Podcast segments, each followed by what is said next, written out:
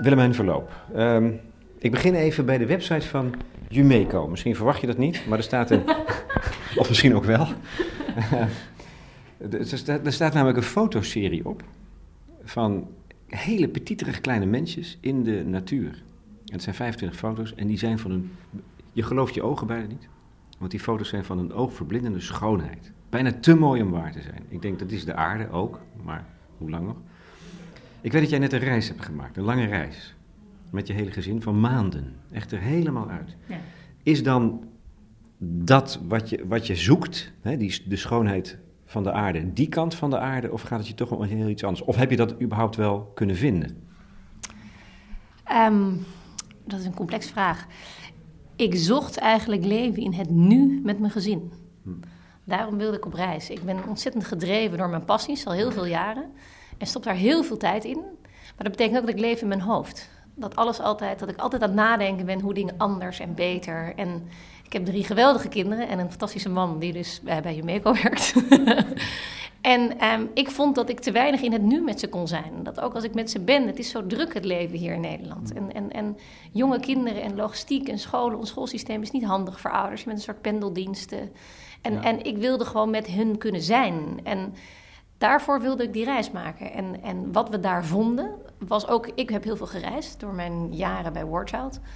Um, en ik wilde mijn kinderen ook heel graag die kant van de wereld laten zien. Niet het luilekkerland hier in, in Amsterdam, maar wat is er nou nog meer? Maar ik wilde ook dat zij leidend zouden zijn in die reis. Als zij op één plek met ons hadden willen zitten drie maanden... dan had ik dat ook oké gevonden. Had ik misschien wel jammer gevonden, maar daar hadden we wel de ruimte voor gecreëerd. Dat we echt met elkaar, dat zij ook mee zouden beslissen wat we gingen doen. En of het dan natuur of cultuur is. Uiteindelijk was het een mooie balans tussen beiden, want kinderen blijken fantastisch te kunnen reizen. Hoe, hoe oud zijn ze? Vijf, zeven en tien. En dan kunnen ze hun weg al vinden? Nou, hun weg vinden, we hadden familieberaad. En dan overlegden we, wat willen we doen? We hadden niets, dan, we hadden het heen-ticket. We hadden de eerste drie weken gepland omdat ik met hen naar een workshop-programma ben gaan kijken. Wat een persoonlijke droom van me was om mijn kinderen een keer mee te nemen naar iets waar ik zo lang zoveel van mezelf in heb gestopt. Maar daarna hadden we niets vast liggen. En, en ook geen terugticket vast liggen. Daarna was het echt, wat, waar, wat willen jullie? En natuurlijk weten ze niet wat ze willen als ze Burma niet kennen... of Laos niet kennen of Vietnam niet kennen, de landen waar we gereisd hebben... Um, maar we legden ze dan uit wat de keuzes waren. Uh, we kunnen naar dieren, we kunnen de wildernis in, we kunnen uh, naar het strand, uh, we kunnen naar, naar tempels. je, er is zo verschrikkelijk veel keuze. En ondertussen ben je in een land waar je totaal andere invloeden krijgt. En daarin konden zij uiteindelijk best goed keuzes maken wat ze leuk vonden om te doen. Wat bijzonder. Heb je dat nu gevonden? Ik heb het gevonden om, om met hen echt in het moment te leven. Ik heb, ik heb geen e-mails gelezen. Ik had ze echt uitgezet. En uh, ik heb ook geen nieuws gevolgd twee maanden lang. Want het nieuws is voor mij ook zo'n zo'n verslaving. Wat gebeurt er in de wereld, in Syrië, in Gaza? Dus dat, ook dat. En dat, dat vond ik fantastisch. Maar nu ben ik een maand terug. En is het gewoon weer zoals het was. ik, heb, ik heb fantastische memories. Ik, ik vind het een onvergetelijke ervaring. Noem, noem eens één ding wat je, wat je echt je leven, de rest van je leven dan zal meedragen. Want het gaat ook over de aarde, hè? de aarde zoals die is. En, de schoonheid ervan, denk ik. Waar je ook voor strijdt, in zekere zin. Ja, het, het, ik vind het zo moeilijk om één ding te noemen. Die vraag krijg ik zoveel. Ja, het is, ik, ik, denk wat voor mij de, de, de mooiste momenten zitten ook wel in door de ogen van je kinderen bekijken. En, en bijvoorbeeld wat ik een enorme shock vond, was de hoeveelheid plastic in de zee. Dat, ik heb veel gereisd, maar niet veel in zee, maar gewoon de meest verlaten strandjes in, in Noord-Vietnam. Waar het gewoon één grote plastic berg in de zee is, waar ook geen dorpen zijn. Hè? Het is gewoon aankomen door, door, door, de stromingen van ver aangekomen. En het onbegrip van mijn kinderen ook daarover. En hoezo we daar dan geen oplossingen voor kunnen. En, en een beetje de boosheid, maar zijn er dan geen robotten? En zeggen, gaan ze voorzien hoe we dat kunnen oplossen. En dat vind ik fantastisch. Dat soort gesprekken vind ik fantastisch. Want dan komt het vanuit hunzelf. Want ze vinden het ook niet leuk om te snorkelen tussen de lege flessen en de stukken plastic die over hun bril plakken. En um, dus het is heel leuk om dat niet te, in een belerend soort, zo ziet de wereld er nu uit, maar om dat te ervaren en dan te kijken, wat kunnen we daar dan mee? Dus de staat van de aarde achtervolgt jou zelfs op zo'n reis. En de kinderen aarden helemaal naar hun moeder. Ja, en, en we kozen voor Indochina en nou ja, oorlog, wat natuurlijk ook voor mij een rode draad is geweest. Vietnam, Cambodja, Laos. Er zijn wel een aantal landen waar de oorlog een enorme invloed heeft op zo'n land. En ga dan maar aan je kinderen uitleggen waarom de Amerikanen dat in Vietnam en Cambodja hebben gedaan. Dat probeer je wel. Ja, Dat probeer ik wel, want dat soort vragen krijg je ook. En, en um, nou, dan ga ik echt niet de Killingfields musea af, maar wel ja, wat macht is. En waarom er, invloed op een bepaalde regio. En ja, landen ruzie met elkaar maken. En, en, en invloed willen op een plek. En dat ze dan ja, het, hun onbegrip dat dat kan leiden tot, tot vernieling en verwoesting van mensenlevens, van gemeenschappen. Dat kun je eigenlijk niet uitleggen.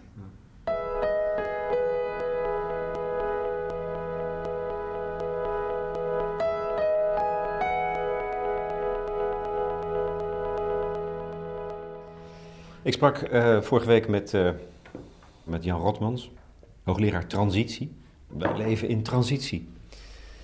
En uh, het hele economische systeem waar wij nu in leven, met die nadruk op groei en die extreme radicale vorm van kapitalisme die waar wij nu in zitten, dat is, we, we weten het nog niet, maar het is al lang kapot aan het gaan.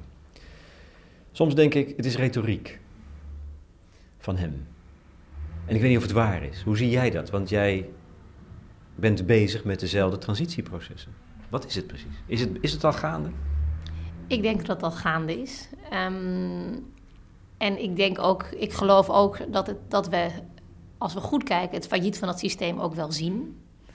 Want als we het nou hebben over de jaren van enorme groei, waarin het, het, het ja, alles maar alles, niet, niks uh, te veel leek, waardoor er geld was voor een geweldig opgebouwde welvaartsstaat dat alles heeft er toch niet toe geleid dat we in de jaren niet problemen hadden, of het nou milieu was, of nog steeds een miljoen mensen onder de armoedegrens, of mensen die eenzaam zijn. En, er zijn nog zoveel maatschappelijk voor mij belangrijke thema's die we in die fase niet konden oplossen. Dus geld kan dat niet oplossen. En ik denk dat dat is voor mij de conclusie van die fase geweest.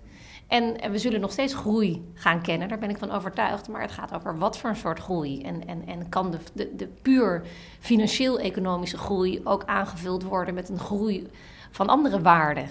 En dat zie ik ontstaan bij jonge ondernemers. Dat zie ik ontstaan ook in het besef van jongere en oudere generaties. Hoor. Maar jongere generaties misschien nog wel sterker van de vanzelfsprekendheid van die groei. En wij worden allemaal rijk en het gaat, gaat ons allemaal goed. Dat het geen geluk brengt, dat het, dat het uh, eigenlijk het leven niet per definitie mooier maakt. Ik denk dat dat wel is ingedaald bij een hele groep mensen. Dat wil niet zeggen dat het daarmee helemaal zal verdwijnen. Dat geloof ik niet. Maar ik geloof wel dat er een transitie gaande is van mensen die zoeken naar andere waarden. En ik geloof ook, economie gaat voor mij niet om geld. Waar gaat het wel om? Nou, het is eigenlijk een sociale wetenschap ooit, toch? Het gaat over hoe we met elkaar kunnen samenleven.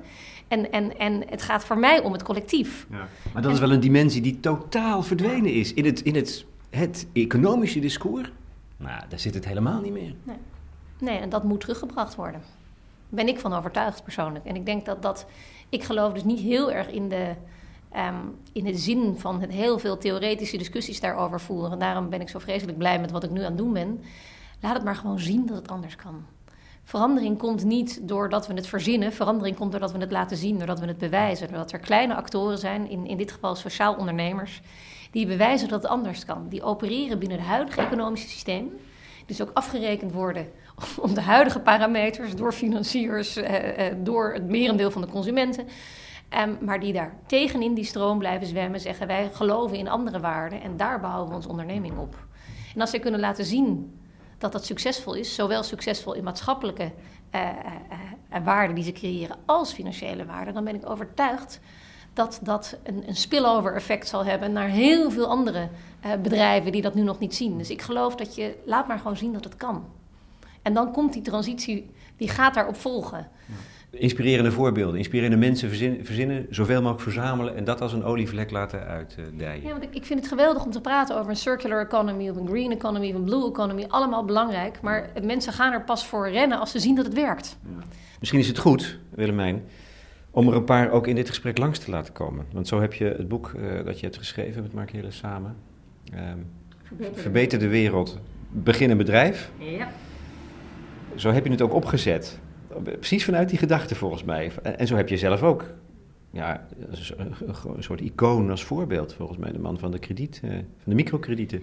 Ja, dat, dat is natuurlijk voor mij het icoon, omdat ik heel erg uit die ontwikkelingssamenwerkingswereld voortkom. Waar ik de eerste 15 jaar van mijn werk en leven eh, met name al mijn aandacht op heb gezet. En daar zie je heel veel vormen van sociaal ondernemerschap ontstaan, veel meer dan in Nederland. Maar um, Mohammed Yunus is wel een, voorloper in uh, een, een, echte transitie te creëren in de financiële wereld. Waar je echt keihard uitgelachen werd uh, toen hij, nou inmiddels is het 35 jaar geleden, begon met te zeggen dat je, dat je dus ongedekte leningen kon gaan geven aan mensen die geen enkele assets, die geen enkel bezit hebben, dat dat zou kunnen. Nou, dat was bizar. Dat was, en het heeft hem 17 jaar gekost om dat model break-even te krijgen en te bewijzen. Huidige toetreders in de microfinance-wereld zijn binnen een jaar break-even. Dus je hebt die mensen nodig die geloven dat het anders kan. En, heb je hem ook ontmoet? Ik heb hem ontmoet, ja. Had zijn boek gelezen. En uh, nee hoor, nee, gewoon als een oude groupie. nee, er zijn gewoon een aantal mensen die ik heel erg bewonder voor hun doorzettingsvermogen. En vooral ook omdat hij het tot een soort tot een, een systeem, systemic change heeft weten te laten groeien. Dus het, je eigen onderneming succesvol maken, laten zien dat jij microkredieten kan verschaffen en mensen uit armoede kan helpen. Overigens is dat niet gezegd, hè, dat dat bij ieder vertrekt microkrediet, verstrekt microkrediet ook zo is. Maar de, de kans voor mensen, de kansen om zich uit die armoedeval te onttrekken, is vele malen groter als ze toegang hebben tot microkredieten. Maar de systemische verandering gaat erin dat mensen dat systeem dus gaan kopiëren dat het niet alleen een, een onderneming is die het bewijst, maar dat het beleid zich ernaar gaat vormen, dat de consument zich ernaar gaat vormen. En niet alleen eh, het ziet en gelooft, maar dat je het ook gaat voelen. Dat het belangrijk is. Dat het in de, in de, ik schreef het in mijn boek als de hearts and minds of people. Dat je, je moet het werkelijk, en dan wordt het een beweging die heel sterk is, die je niet meer kan tegenhouden. En dat is in, met die hele microfinance wereld gebeurd. En dat is uiteindelijk wat je hoopt met een heleboel van die steentjes die nu in het water worden gegooid. Zoals een leuke Nederlandse jonge ondernemer die de Fairphone heeft ontwikkeld. En die wil die hele elektronica-branche eigenlijk omverwerpen. Die wil de eerste eerlijke telefoon maken, waar geen kinderen meer, meer, meer verplichte arbeid in, in, in mijnen, waar coltan, uh, wat hartstikke vervuilend is, wordt. Nou, je kunt het productieproces van een mobiele telefoon is gruwelijk. Zowel in de componenten als in hoe het gemaakt is. En dan gewoon een andere telefoon te maken. Zeggen, zo kan het ook. En dat gaat uiteindelijk niet alleen om die telefoon. Dat gaat om die hele telefonie-industrie. En uiteindelijk gaat het om de hele elektronica-industrie. Als de consument zegt, ik vind dit belangrijk. Ik wil betalen voor iets wat wel eerlijk is. Dan gaat dat een enorme beweging maken. Want dan gaan al die andere aanbieders gaan ook dit soort producten op de markt brengen. En dan gaat uiteindelijk die markt daardoor veranderen. Dus dit soort sociaal ondernemers zijn echt marktduwers. Gaat het, gaat het hem lukken? Um, ja, natuurlijk, als ik daar niet in zou geloven. Um, maar goed, dat, dat, is natuurlijk denk ik ook zo. Je, moet, je hebt dus de bevlogenen nodig. De mensen die ergens in geloven tegen de klippen op... terwijl ze 17 jaar lang worden uitgelachen, bij wijze van spreken. Um, maar je hebt ook mensen nodig die erin geloven. Ja. Aan de andere kant. Dat is voor een sociaal ondernemer misschien wel net zo belangrijk. Dat is ontzettend belangrijk. En dat is lang niet altijd het geval. Bij Fairphone, dit voorbeeld wat ik net noemde, die heeft eigenlijk al meteen via crowdfunding een enorme achterban internationaal weten op de, uh, op de been te brengen. Maar heel veel ondernemers verzinnen een oplossing voor een maatschappelijk probleem. Want dat is de kern van de maatschappelijke ondernemer, of een sociaal ondernemer. Die willen een probleem oplossen. Maar dat wil niet zeggen dat er ook meteen klanten voor zijn. En als je dat in een onderneming wil doen, doordat je een product of een dienst naar de markt brengt, dan wil dat niet zeggen dat de klanten daar klaar voor zijn. Vaak ziet die sociaal ondernemer het probleem van ongezond voedsel, wat we bijvoorbeeld krijgen, of het probleem van, van de sociale cohesie wel, maar het product wat hij op de markt wil brengen om wat op te lossen, daar is niet meteen een hele klantenbase voor. Het is geen grote multinational die van tevoren heeft onderzocht of de klanten überhaupt interesse hebben in dat smaakje en het dan op de markt brengen. Het gaat dus wat je zegt is juist, maar het is vaak een enorme worsteling. Omdat het ideaal vaak als zo leidend wordt gezien dat soms vergeten wordt dat als je die klanten niet meeneemt in dat ideaal, je ze ook niet gaat krijgen. En als het product niet werkelijk goede kwaliteit heeft, je ze ook weer kwijtraakt. Dus het is een hele ingewikkelde balans voor die sociaal ondernemers die gedreven worden door dat maatschappelijk ideaal. Maar tegelijkertijd een briljant goed product of dienst op de markt moeten brengen. En, en waar de consument, consumenten ook echt uh, voor willen betalen. Want dat is het geheim van sociaal ondernemen, als ik het begrijp, als ik het goed begrijp, is precies dat het gaat inderdaad om het verlangen, eh, puur idealisme. Je wil echt de wereld verbeteren, problemen uit de wereld hebben die groot een maatschappelijke impact hebben, als armoede, maar misschien ook kleine. Eenzaamheid heb je al genoemd, ehm, vervuiling en ga, ga zo maar door. Maar je moet het doen als een hardcore kapitalistische ondernemer. Ja, niet als kapitalistische ondernemer, maar als ondernemer. Want de ondernemers. Nee, maar je moet, je moet wel, je moet het als een bedrijf managen. Ja, ja, want dat, uiteindelijk is de kracht van een oplossing natuurlijk dat die oplossingen zelfredzaam moet zijn. En het probleem van heel veel van de oplossingen die we de afgelopen jaren hebben geprobeerd van een heleboel heel goed bedoelende, bijvoorbeeld goede doelenorganisaties, is de afhankelijkheid van donaties. En daarmee uh, om een, een bepaalde dienst te verzorgen, waardoor die niet duurzaam is als oplossing. Waardoor er altijd weer afhankelijk is van de goedtierendheid van mensen die geven. Op het moment dat je een oplossing kan creëren in een model wat, wat gebaseerd is op marktmechanismen, wat zijn eigen inkomsten genereert, kun je een veel structurelere oplossing creëren. Dus uiteindelijk is dat ondernemerschap vergt veel meer lef, maakt het veel ingewikkelder. Maar ik geloof wel dat daar ook de innovatiekracht vandaan komt. Een van mijn uh, drijfveren om deze kant op te zoeken na, na 15 jaar Warchild is dat ik heb gezien hoe moeilijk het is om uh, innovatief te blijven in die goede doelenwereld. En ik denk dat dat wel vrij goed gelukt is en ook nog steeds. Maar ik denk dat heel veel goede doelenorganisaties afhankelijk zijn van gevers. En gevers zijn nou niet over het algemeen de meest innovatieve mensen die zeggen: Als jullie een leuk nieuw idee hebben, stop mijn geld daar maar in. De meeste gevers willen precies weten wat er met hun geld gebeurt. En eh, terecht ook. Maar dat leidt niet tot het nemen van risico's. En innovatie ontstaat vaak doordat je risico's durft te nemen, doordat je lef hebt om dingen echt helemaal anders te gaan doen. En dat is nou zo'n karakteristiek van ondernemers. Dat is waarom sommige ondernemers in die kapitalistische wereld heel veel geld verdienen, omdat ze het lef hebben gehad om iets te proberen wat niemand anders durfde en waarmee ze heel veel geld verdienen. En datzelfde lef geldt voor die sociaal ondernemers, die iets proberen. En het is wel, ondernemen is voor eigen rekening een risico. Daar zit niet de stichting achter je die de verantwoordelijkheid nog even draagt. Je, je, je zet vaak je eigen je eigen kapitaal je, uh, op de on the line. Of als je dat al hebt, je kunt je enorm in de schulden eindigen. Maar de, de, de driver vergt dus een, een lef en een doorzettingsvermogen en een echt geloof in dat product. En dat zie je bij die sociaal ondernemers heel sterk. En ik denk dat juist het ondernemerschap nou net die key factor is die uh, tot die nieuwe oplossingen, structurele oplossingen gaat leiden. Waar het uh, belang van activisten en goede doelen blijft heel groot. Maar het vinden van die vernieuwende structurele oplossingen, denk ik, gaat voor een groot deel komen vanuit die, dat die ondernemerschap.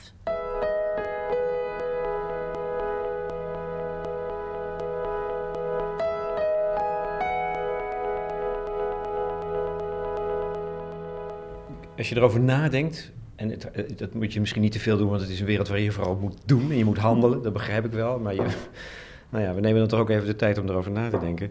Dan lijkt het natuurlijk toch een paradox, terwijl je, je, je uh, dat bijvoorbeeld je wil zo groot mogelijk worden. dat, dat is weliswaar om zoveel mogelijk, zoveel mogelijk te verbeteren, maar je moet het als een bedrijf zo groot mogelijk zien te maken. En intuïtief heb je dan het gevoel van, ja, maar kan dat wel? Want dat is nou juist die wereld waar we niet in willen zitten. Dat het altijd maar moet groeien en groter worden. Maar als jouw drive is om de impact zo groot mogelijk te maken, dan wil dat niet altijd betekenen dat jouw bedrijf de allergrootste hoeft te zijn. Dus je ziet in veel gevallen, um, uh, bijvoorbeeld Tony Chocoloni, laten we even een van de meest bekende uh, sociale ondernemingen in Nederland nemen, die hebben als doelstelling Natuurlijk dat ze moeten groeien, want ze willen meer mensen bereiken en het verhaal over die oneerlijke cacaoketen uitleggen. Zorgen dat er meer echt eerlijke uh, chocola zonder slavenarbeid op de markt komt. Maar hun belangrijkste doelstelling is de grote spelers mee te krijgen. En dat betekent dat gaat het dus niet om autonome groei. Dan gaat het om te zorgen dat die hele grote partijen um, ook hun chocola op een andere manier gaan maken. Dat is een definitie van succes voor Tony Chocoloni. En dat gaat dus niet om je eigen bedrijf de grootste te maken en naar de, naar de beurs te brengen. Het gaat erom de beïnvloeding van die anderen. En die beïnvloeding is makkelijker als je zelf groter wordt. Dus heel vaak heb je die groei nodig om een serieuze luis in de pels te worden bij die grote spelers. En die begon met denken, nou dit wordt zo'n groot deel van de markt, misschien moeten we daar nou toch ook maar eens serieus naar gaan kijken. En datzelfde, uh, en in, in, een ander voorbeeld, zie je bijvoorbeeld bij uh, ondernemers, waar er een aantal in Nederland van zijn die zich met arbeidsparticipatie bezighouden. Die zich bezighouden met van een achterstand een, een, een voorsprong te maken. Dus mensen met een, die blind zijn, doof zijn, uh, psychiatrische problemen hebben, autistisch zijn. Een bedrijfsmodel omheen te bouwen om te zorgen dat zij aan een baan komen. Omdat we in Nederland een dramatisch lage arbeidsparticipatie hebben. En het voorbeeld van de mensen met een vorm van autisme zijn waanzinnig goed in software testing en in data-analyses uh, uh, doen en in uh, het controleren van, van digitale documenten. En daar is echt een business in. Daar zijn die mensen beter in dan de gemiddelde medewerker, want ze hebben waanzinnig oog voor detail en vinden repetitief werk lekker. Ja. Nou, kunnen dit soort ondernemingen, zoals een Audi Talent of een Specialisterre die dit doen, die kunnen zeggen: we willen een gigantisch bureau worden. Maar die zeggen: nee, we willen bewijzen dat het kan. Dat het geen geld hoeft te kosten om dit soort mensen in dienst te nemen. Laten zien dat die mensen hartstikke goed. Zo, en uiteindelijk zijn zij succesvol op het moment dat de Rabobank of de gemeente Amsterdam of hun hele uh, softwareafdeling gaat staven met dit soort mensen. Ik noem het marktduwers, die sociale ondernemers. Ze brengen een nieuw product of dienst waarin ze laten zien hoe het ook kan. En, en de grote impact zit er vaak in hoe anderen het vervolgens adopteren. Als we een markt met een Q, uh, de supermarkt, niet hadden gehad, dan had, uh, denk ik, Albert Heijn een stuk minder biologische producten in zijn schappen gestopt. Maar die ziet opeens een, een, een concurrent waar een deel van het publiek kennelijk in geïnteresseerd is. Dus veranderen zij ook hun aanbod. Dat wil niet zeggen dat ze de slechte producten uit de schappen halen, maar betekent wel dat ze langzaam kleine stapjes, en dat begon al met Max Havelaar, producten. Dus een, een sociaal ondernemer zal zeggen: Dit is mijn concept, kopieer me maar. Want ik wil die impact vergroten. En natuurlijk wil je niet daarmee je bedrijf onderuit halen, want je wil ook je mensen een baan geven en je wil ook een gezonde onderneming draaien. Maar als je impact je drive is, dan zal dat je manier van ondernemen zijn. Volgens mij noem je dat dus ook een van de kenmerken van uh, sociale ondernemers. Als het al een soort ras is of een uh, type. Maar dat misschien begint hier wel te komen. ja. Ja, ja. ja. dat is duidelijk. Nee, maar dat, het, dat ze heel goed zijn in uh, togetherness. Ja. En dat het ook een beetje, dat vond ik wel grappig, dat het vooral op eilanden heel, heel sterk aanwezig is, die mentaliteit. Ja. Dat is ook geestig. Ja, nee, maar het is, de, de, de, de, het is leuk om te zien hoe dingen, hoe je, het is leuk om die ondernemers bij elkaar te brengen, te zien hoe graag ze met elkaar willen leren. Maar de gemeenschappen waarin bijvoorbeeld vooral de community-achtige onderneming, als je kijkt naar Mondragon, ik weet niet of je er ooit van gehoord hebt, ja. VPO, prachtige documentaire over laten zien ook, over een hele grote coöperatie die echt een, een, een, een hele achtergestelde regio in Spanje, in Baskeland, heeft weten te, te, te versterken en mensen aan banen en opleidingen en, en, en, en inkomen heeft geholpen. Dat concept, dat is een coöperatief model, werkt bijvoorbeeld niet in Madrid. Hebben ze geprobeerd daar ook te doen, maar de Basken zijn enorm verbonden met elkaar. En die verbondenheid zorgt dus ook dat dat soort ondernemingen sneller succesvol kunnen worden. Dus het is grappig dat je dat ook soms terugziet in, uh, in, in vooral die community-based concepten. Maar de together, uh, uh, de verbinden, verbindendheid waar wij het boek ook over schrijven, gaat ook heel erg over dat je dat bij die ondernemers zo ontdekt. Wij, wij organiseren natuurlijk heel veel uh, activiteiten waar we die ondernemers samenbrengen. En dat is ontzettend leuk om daarbij aanwezig ja. te zijn, want dat is een, een, een ja, iedereen wil delen met elkaar. Dat is ook echt zo. Dat, dat is niet maar een slogan van de, van de jaren uh, tien nee, van deze eeuw. Het, het, het, is natuurlijk toch ook omdat ze nog steeds redelijke pioniers zijn. En je ziet gewoon hun zoek van... God, werk jij nou veel met... Um, hoe, hoe regel jij dat met het UWV als je die mensen wil vinden met die arbeidsbeperking? Heb jij al een ingang waar het wel lukt? Heb jij een goede leverancier in, in India waarvan je zeker weet dat hij zich aan, zijn, aan, zijn, uh, aan, zijn, aan de maatstaven die wij opleggen houdt? Noem maar op. Het is een, er zijn natuurlijk zoveel gewoon praktische zaken waar die ondernemers elkaar op kunnen helpen. En daar zoeken ze ook naar. En dat zoeken ze dan wel bij gelijkgestemde ondernemers. Want dan weten ze dat ze er vergelijkbaar soort um, criteria voor hanteren. Dus, dus dat... er is echt een nieuwe wereld. Want dat zijn echt elementen van een nieuwe geest, een nieuwe generatie, een nieuwe manier van denken. Dus nieuwe, nieuwe tijd. Ja, nou, het is, de competitiedrang zit daar in ieder geval niet in. De verplaswedstrijdjes die ik nog wel eens meemaak op andere businessbijeenkomsten, die vind je hier uh, heb ik nog niet teruggezien. En uh, ik geloof niet in een utopia hoor. Natuurlijk is een gezonde competitie ook goed. En moeten al deze ondernemers ontzettend uh, ook die competitie aangaan met de spelers in de markt. Die, die, die puur commerciële producten proberen te pushen. Dus het zijn geen zachte geitenwolle sokken doetjes. Maar het is wel, weet je, dat gevoel wil ik er niet bij creëren.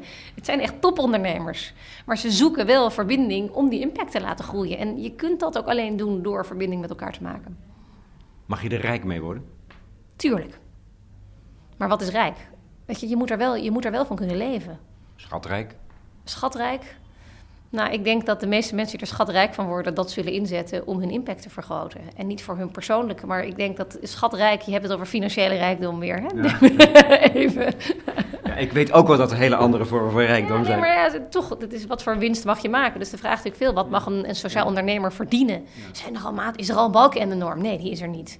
Maar eh, de norm zoals die eh, internationaal wordt gehanteerd, gaat er wel over dat je het, het, het, overgrote deel, dus het, het merendeel van je winst herinvesteert in je onderneming. En daar hoef je helemaal geen regels voor neer te leggen, want dat zien die ondernemers allemaal doen. Want als die impact jouw driver is, dan is dat waar je geld stopt. Maar als je dat bedrijf succesvol maakt, dan vind ik dat je daar ook gewoon een, een goed salaris voor mag verdienen. Dat vind ik normaal, daar werk je razend hard voor.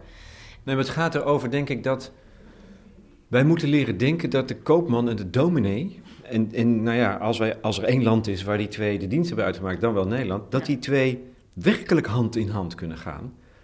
Maar ik denk dat dat, wi- wil het sociaal ondernemen in Nederland een, een hoge vlucht nemen, dan, dan moet er bij het grote publiek, denk ik, een soort wantrouwen verdwijnen. Dat dat, dat, dat een hele eh, gezonde vriendschap is tussen de koopman en de dominee. Daar, en daar is- daar is mijn vraag op gericht natuurlijk. Hè? Want ik, ik weet dat er van... in Nederland. Dat is echt, een- ja, want we zijn ontzettend Calvinistisch. We zijn ontzettend, en we, we, opereren vanuit wantrouwen. Wij vinden eigenlijk, en ik chargeer hier even, wij vinden dat als het gaat om maatschappelijk welzijn, dat is de taak van de overheid Ja. of van goede doelen.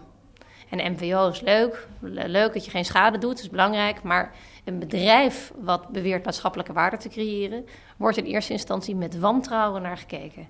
Zit niet iemand daar stiekem zijn eigen zakken te vullen? Klopt dat wel?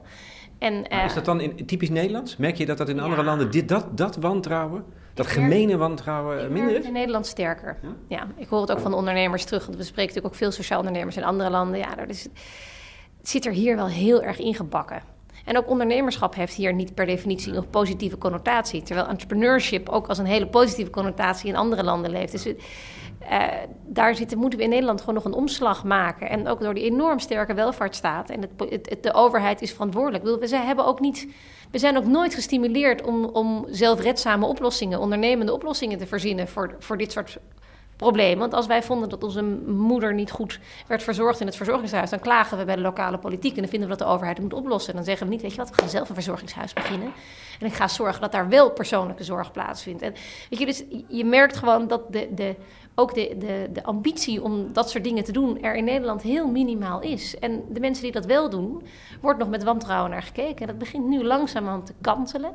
Maar die kan, we zijn nog niet, de tipping point is er nog niet in dat iedereen dat vanzelfsprekend en dan vragen we naar het vragen naar balken en de normen. En je merkt het vooral ook bij gemeentes. De gemeentes zouden met deze sociaal ondernemers perfecte businesspartners hebben. Maar de, de meeste ambtenaren in de gemeentes in Nederland zijn nog angstig. Die werken liever samen met een stichting. Dat is veilig. eh, dan met een, met een onderneming. Want is in Nederland per definitie een BV of een coöperatie is. Want dat, is dan, dat vinden ze eng. Want stel je voor dat er toch iemand met dat geld van dat publieke geld naar de Bahama's verdwijnt.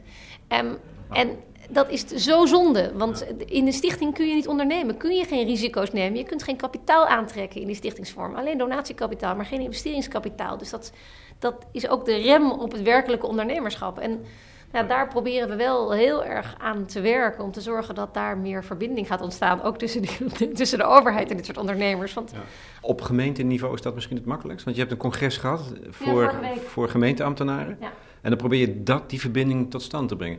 Want je zou zeggen, bij gemeenten zitten ook inkopers van zorg. En die, die, eh, die mogen bedrijven iets gunnen. Dan zou je zeggen, nou dan kun je die gemeente toch heerlijk stimuleren om sociale ondernemingen eh, nou ja, te gunnen, zoals het dan heet, in die aankoopprocedures. Ja, dat is voor ons een heel belangrijk speerpunt. We zijn overigens wel begonnen met een nationale lobbyagenda. Wat vinden we dat, dat, dat de Rijksoverheid zou moeten doen?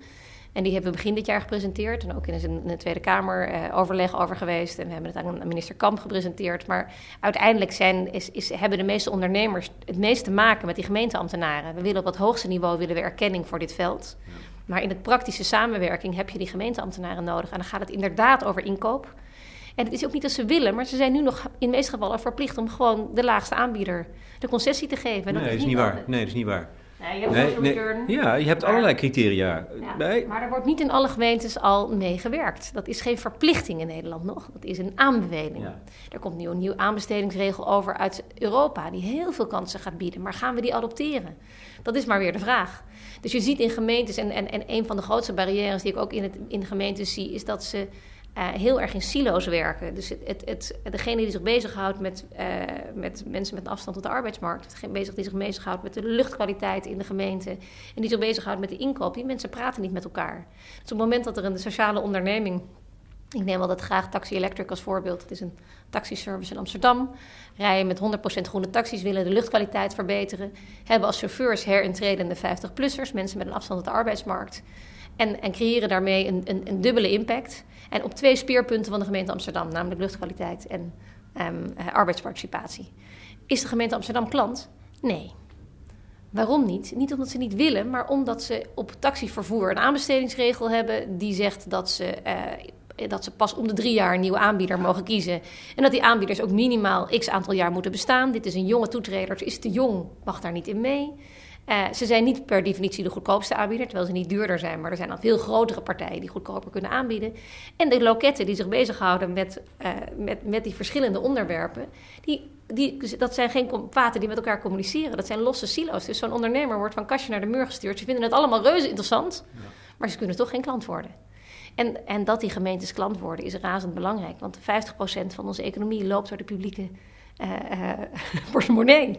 Dat is 50% van ons binnenlands, bruto binnenlands product gaat via de overheid. Dus dat is gewoon... Op het moment dat je die gemeentes binnen hebt, dan kan het inderdaad zo hoog. Het is de grootste klant van Nederland. Dus je zou als ondernemer wel gek zijn als je daar niet op een of andere manier wat mee zou willen. En, en de meeste ondernemers willen dat dus ook. En dan dus behalve hun inkoopkant kunnen ze natuurlijk ook van alles doen aan het gemakkelijken van regelgeving. Er is bijvoorbeeld een heel leuk voorbeeld van een gemeente die in samenwerking met, een, met de kringloopbranche is aangegaan. En die zegt van ja, eigenlijk wat die kringloopwinkels doen is razend belangrijk voor ons als gemeente. Want het gaat ook om het ophalen van vuil. Dus hoe kunnen we nou eigenlijk de vuilophaal, de gescheiden vuilophaal, gaan combineren met de kringloop? De kringloop heeft in Nederland 8000 mensen met een arbeidsbeperking aan het werk. Zorgt voor een circulaire economie en, en kan ook gaan upcyclen. Nou, om met gemeentes om na te denken en, te combineren van een vuil, vuilophaalservice met wat de kringloop kan, kan uh, bieden. En daarmee ook het businessmodel van die kringloop versterken. Want die kringloop moet ook onafhankelijk worden. Die moeten hun eigen inkomsten, dat, dat, dat waren natuurlijk ook heel erg publieke diensten. En die, die, die moeten gewoon hun verkopen uh, uh, versterken. Maar een kringloopwinkel in Nederland moet bijvoorbeeld 21% BTW betalen. Als jij je stoeltje gratis weggeeft aan de kringloop, dan moet hij hem verkopen. Maar dan moet hij wel gewoon weer 21% BTW over afdragen. Nou, dat is aan de kassa een waanzinnig groot bedrag. Als je, dat, als je zoals Duitsland heeft de hele kringloop laag BTW. Als je dat in Nederland zou invoeren, dan zouden we misschien wel 10.000 of 12.000 mensen aan de werk kunnen hebben in die branche. Nog veel meer kunnen recyclen. Nou, dat soort stapjes, dat is dan een, een, een, meer nationaal beleid. Maar er zijn dus gemeentes die zeggen: nee, wij zien de potentie van dat model. Daar gaan we intensief mee samenwerken om een aantal issues in die gemeente op te lossen. Jij bent tomeloos, hè? ik praat te snel ook, bedoel je, of niet? nee, nee, het, is niet, het is geen vorm van kritiek, ook geen verkapte kritiek. Ik, ik realiseer me, hoe lang zit ik nou te praten met je? Een half uur of... Jij bent echt toom en zo ga je waarschijnlijk je hele leven door, of niet? Is dat ook een kenmerk van de sociaal ondernemer? De tomeloosheid? En als je dat niet hebt, moet je er niet aan beginnen? Nou, ik herken het wel veel terug in veel van de ondernemers met, uh, die ik ken in dit veld. Dus er zit wel een, en hier gewoon een hele hoge energy uh, in. Omdat je tegen zoveel barrières oploopt. Dat als je niet een enorm optimistisch, uh, als niet linksom, dan rechtsom, dan bovenlangs, dan onderlangs een mentaliteit hebt. Dan geef je het sneller op. En, ja. en ik heb dat met Wordchild ook geleerd toen ik daar aan begon. Ik had geen idee, ik was hartstikke naïef. En iedereen zei, het kan helemaal niet. Hoezo kan jij nou oorlogskinderen? Wat weet je ervan? Ik werd een beetje uitgelachen. En je leert dat, dat, een bepaalde, dat je hebt een bepaalde energie nodig om daar doorheen te vechten. En dat herken ik wel heel erg terug bij al deze ondernemers. Het, het, het, maar is die weerstand, roept is die weerstand die je dan... Nee, eerst, is naïviteit een belangrijke eigenschap? Is dat misschien iets... Ja, denk ik wel. Ik denk dat naïviteit, dat je als, ik, als je van tevoren precies weet welke beren er allemaal op de weg zitten dan ga je die weg niet meer in. Terwijl als je denkt, nou die beren zijn wel ergens, maar die gaan meelopen, die dansen verder, weet je wel, dat, dat komt goed. Dus, en dat is een vorm van naïviteit. En eh, ik geloof dat je dat heel veel van dit ondernemers, als je de, ziet wat voor weg je door moet om die hele cacao-industrie omver te werpen, even terug te komen maar, ja. naar Tony. Ja, de meeste mensen zullen je voor gek verklaren. Ja. Uh, daar begin je, daar begin je, daar begin je toch niet aan, maar dat is, dat is dus een mentaliteit die je bij deze ondernemers niet terugziet. Dus, en daar zit een soort van naïviteit, maar naïviteit vind ik een hele positieve connotatie hebben. Het is niet uh, dom, naïef, want ik denk er niet over na, maar gewoon het moet, dus het, het zal. En, en dat zit in mij ook heel erg. En die heb je nog steeds. Dat heb je niet af, ergens onderweg, 15 jaar War Child. Weet je, dat is dan, dat, dat, je zou zeggen dat is ook een parcours waarin je je naïviteit wel kwijtraakt. Nou, nee, ben ik nooit kwijtgeraakt. Ik weet wel, uh, ik, ik, weet welke beren er zijn. En ik heb ook wel heel veel de donkerste kant van de samenleving gezien in die 15 jaar. Maar als ik niet een rasoptimist zou zijn, had ik dat ook niet uh, kunnen doen. Maar dat vind ik dus, dat, dat, dat, kun je me dat uitleggen? Hoe, je, hoe dat stand kan houden? Rasoptimisme tegenover de donkerste kanten van de mens. Ja, die vraag heb ik vaak gekregen en ik vind het heel moeilijk om hem te beantwoorden. Ik weet het antwoord eigenlijk niet. Ik weet niet waarom ik zo ben. Ik weet wel dat ik altijd, dat altijd in me heb gehad. Dat ik, uh, ik vergeet waar ruzies over gaan. En ik onthoud de leuke momenten die ik met mensen heb beleefd. En, dus ik ben niet heel goed in het vasthouden van... Ik, ik heb kennelijk een mechanisme waarin ik dat uh, achter me kan laten. En met, door me te focussen op positief. En dat is geen trucje wat ik mezelf aanleer. Dat zit er heel erg in. En uh, daar krijg ik ook energie van. Daar word ik vrolijk van. En ik, daar, daarmee kan ik ook andere mensen meekrijgen die daar ook energie van krijgen. Dus het heeft, je bereikt niets door in de donkere kant te blijven. En ik heb wel geleerd wat je kan bereiken door je energie erin te zetten en, en, en dat lichtpuntje uh, te volgen.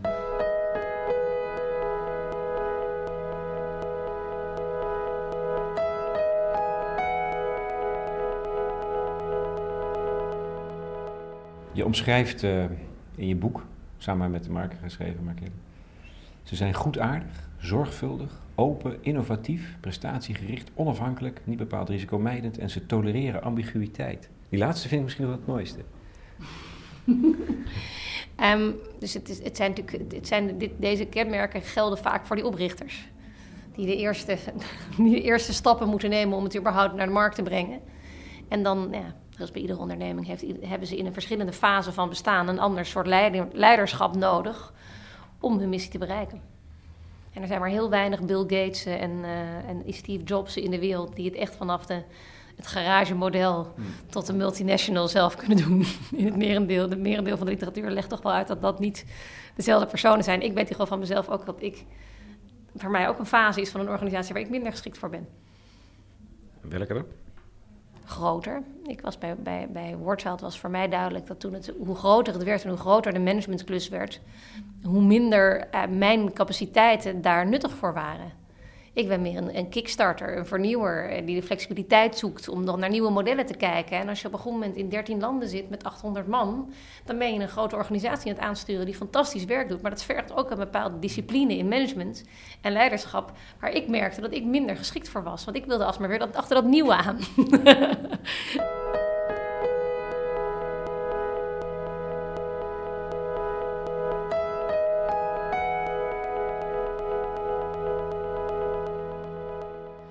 ook onderwijs en onderzoek is belangrijk. Ja.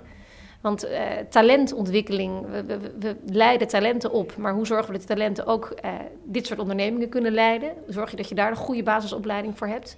Uh, dat gebeurt bijvoorbeeld bij Oxford, dat gebeurt bij Stanford, bij Harvard. Die hebben er aparte opleidingen voor, toch? Ja. sociaal ondernemend, kun je worden, kun je leren. MBA. En dat zijn dan niet mensen met een briljante idee, maar zij bijvoorbeeld Oxford leidt op, dus Oxford Side Business School heeft een school voor social entrepreneurship en die leiden op tot de perfecte tweede man of vrouw in een sociale onderneming die de groei helpt uh, creëren, die de onderneming helpt naar zo'n volgende groeifase. Razend belangrijk. Maar ook onderzoek. Wat is nou succesvol? Die Nederlandse context is complex. Wat zijn de succesmodellen? Dat moeten we goed onderzoeken. Daar, dragen wij een steentje aan bij met Social Enterprise NL. Maar dat zouden we willen zien op veel meer plekken. Maar we zijn twee jaar bezig. In de afgelopen twee jaar is Utrecht de Center for Social Entrepreneurship begonnen, de Universiteit van Utrecht. En een minor heeft de Universiteit van Tilburg net besloten Social Innovation als hoofdthema te kiezen. Dus je ziet het wel ontstaan. Er komen misschien twee leerstoelen aan. Uh, dus er, mm, dat zijn allemaal dingen... Wanneer? Ja, Bijzondere hoogleraarschappen, proef ik. Nou, nou ja, dat, dat, we hopen dat dat uh, in 2015 realiteit gaat worden. Um, werken we hard aan. Maar dat, zijn, ja, dat, dat hebben we wel nodig voor dit veld om ook zijn, zijn, zijn kracht te bouwen. En we hebben gewoon meer data nodig. Wij, doen ieder jaar een survey van wat is nou de impact van deze bedrijven. En, maar ook hoeveel mensen houden ze aan het werk. Wat levert het de economie op? Als we mensen die nog denken binnen het huidige economisch model moeten we ook overtuigen. Dus de ambtenaren bij EZ. En die willen toch ook gewoon de kerngetallen weten. Waar hebben we het nou eigenlijk over? En al die data is in Nederland nog niet voorhanden, omdat we deze vorm van ondernemen nooit erkenden. Wij zijn nu twee jaar op, weg. We hebben nu kerngetallen van die eerste ondernemers. En die laten in ieder geval zien dat ze ver boven uh, de, de gemiddeld MKB weten te groeien. Dus en sneller groeien en meer innovaties creëren. En werkgelegenheid blijft groeien, terwijl dat in het gemiddeld MKB uh, niet het geval is op dit moment. Dus je ziet echt de kracht van die groep. Maar die groep moet nog groeien en groter worden, waardoor we ook kunnen laten zien wat dit nou bijdraagt aan de economie. En dan op maatschappelijke impact, maar ook op financiële impact en op werkgelegenheid. Ik las, uh, Willemijn, op het laatst deze zin. Uit je boek heb ik het dan over. Ik citeer nu even. We hebben een maatschappij voor ogen waarin rechtvaardigheid, duurzaamheid en, van, en verbondenheid vanzelfsprekend zijn. Een samenleving die effectief reageert op sociale uitdagingen. Ieder individu en elke groep heeft erin de vrijheid om sociale en ecologische oplossingen te realiseren. En toen realiseerde ik met mij een schok eh, dat in jullie hele boek het woord politiek niet valt. En dit klinkt bijna naar een politiek programma. En er ligt een soort politieke visie hè, aan, aan wat je doet en wat jullie ontwikkelen in dit kenniscentrum ten grondslag, terwijl je dat niet als zodanig benoemt. Dat is gek eigenlijk. Het is politiek wat jullie bedrijven. Ja, ja maar het is ook bewust, want zo begon ons gesprek ook. Ja. Uh, ik geloof dat je moet laten zien wat er kan. En uh, in het politieke discours wordt het weer... Als ik jou nou die zin hoor voorlezen, denk ik... jeetje, wat een boel uh, dure woorden gebruiken we eigenlijk achter elkaar. ja. Duurzaamheid, ja, wat is dat dan? Ehm, dus tegelijkertijd denk ik dat, dat wij die impact bereiken... door te laten zien wat er kan. En door niet... Een, een, een politiek programma is belangrijk. Laat in godsnaam andere mensen dat overal opnemen... Maar onze aanpak is heel erg om te laten zien wat er al gebeurt. En wat het effect daarvan is. En, en, en niet alleen maar heel oog over te vliegen over waar het naartoe moet. Dat moet ook. Maar ik denk dat dat een, een vanzelfsprekende gevolg zal zijn van het succes van deze ondernemers. Nou, eigenlijk bedoel ik daarmee ook wel het. dat, dat, begrijp ik, daar heb je natuurlijk denk ik helemaal gelijk in. Maar wat ik me realiseer is dat ehm, politiek zich misschien wel verplaatst van de Tweede Kamer naar het bedrijf. Snap je? Dat je, dat je langs, langs het organiseren van dit soort bedrijven politiek bedrijft. Ja, nou, je mag het hopen dat, ze, dat die politici heel goed bekijken wat hier gebeurt. En ik verwacht ook best dat een hoop politici aanbevelingen uit dit boek in hun verkiezingsprogramma's gaan opnemen hoor. Dus ik ben, daar, dat, natuurlijk is dat onderliggend ook best een doelstelling. Alleen ik geloof dat, dat de politieke weg moeten we bewandelen ook. Dus dat doen we wel degelijk. Alleen ik geloof niet dat dat de manier is om mensen te overtuigen. Laat mensen dan maar gewoon vooral nadenken over die euro die ze morgenochtend gaan uitgeven als ze de supermarkt inlopen. of ja, als je bedrijf, als je uh, een, een, een, nieuwe inkooppartner zoekt. Hmm. Daar zit echt de macht. Hoe lang duurt het nog voordat Nederland de black hole van Europa is? Nou, dat zijn we nu. Dat, ik beschreef in het boek dat we op dit gebied zijn we de black hole of Europe. Dat heb ik niet verzonnen. Dat Achterstandsgebied. Is mij, is mij verteld door de voorzitter van de Belangenvereniging van Sociale Innovatie, Sociaal Ondernemers in Europa. Die zei, oh, toen ik hem voor het eerst ontmoette, 2,5, 3 jaar geleden, toen ik hierbij bezig ging, zei hij, finally someone from the Netherlands. You know, you are the black hole of Europe. Nou, dat een hele leuke openingszin. En ik heb hem vaak herhaald. Ze hadden tot die tijd nog nooit iemand in Nederland gevonden die over dit onderwerp wilde praten, überhaupt. Uh, en um, dat komt niet omdat ondertussen hadden we wel al ondernemers als Triodos of als een Tony Chocoloni die het al lang deden. Alleen die ze nog niet hadden verenigd om te laten zien wat voor waarde dit voor de samenleving kan creëren. En we lopen achter. En uh, dat gaan we wel inhalen. Ik heb wel de, de hoop en de ambitie dat we gaan uh, de, de wet van de remmende voorsprong dat we uiteindelijk er overheen springen. Maar dat hebben we met de industriële revolutie ook laten zien. De Engelsen waren ons ver voor en, en, en daar gingen we overheen. Uh, dat vind ik niet een briljante voorbeeld in dit kader, maar toch. en je moet je voorbeelden zorgvuldig kiezen. Ja, ja, maar in dit geval is uh, Engeland ook een koploper in Europa. En daar kunnen we heel veel van leren in wat daar goed en fout gaat en hoe we het beter doen. En wat voor mij de belangrijkste les van Engeland is, misschien nog goed om mee te nemen, is dat we niet moeten overpromissen. Dit is een veld wat een enorme invloed kan hebben, maar niet meteen denken dat ieder probleem opgelost gaat worden door een sociaal ondernemer. Laten we de, de, de, de, de verwachtingen niet meteen te hoog stellen, want een onderneming groeit niet van vandaag op morgen. Daar gaat tijd overheen, maar de waarde die het creëert gaat iedereen zien, daar ben ik van overtuigd. Ik ga even uitblazen. van mijn tomeloosheid.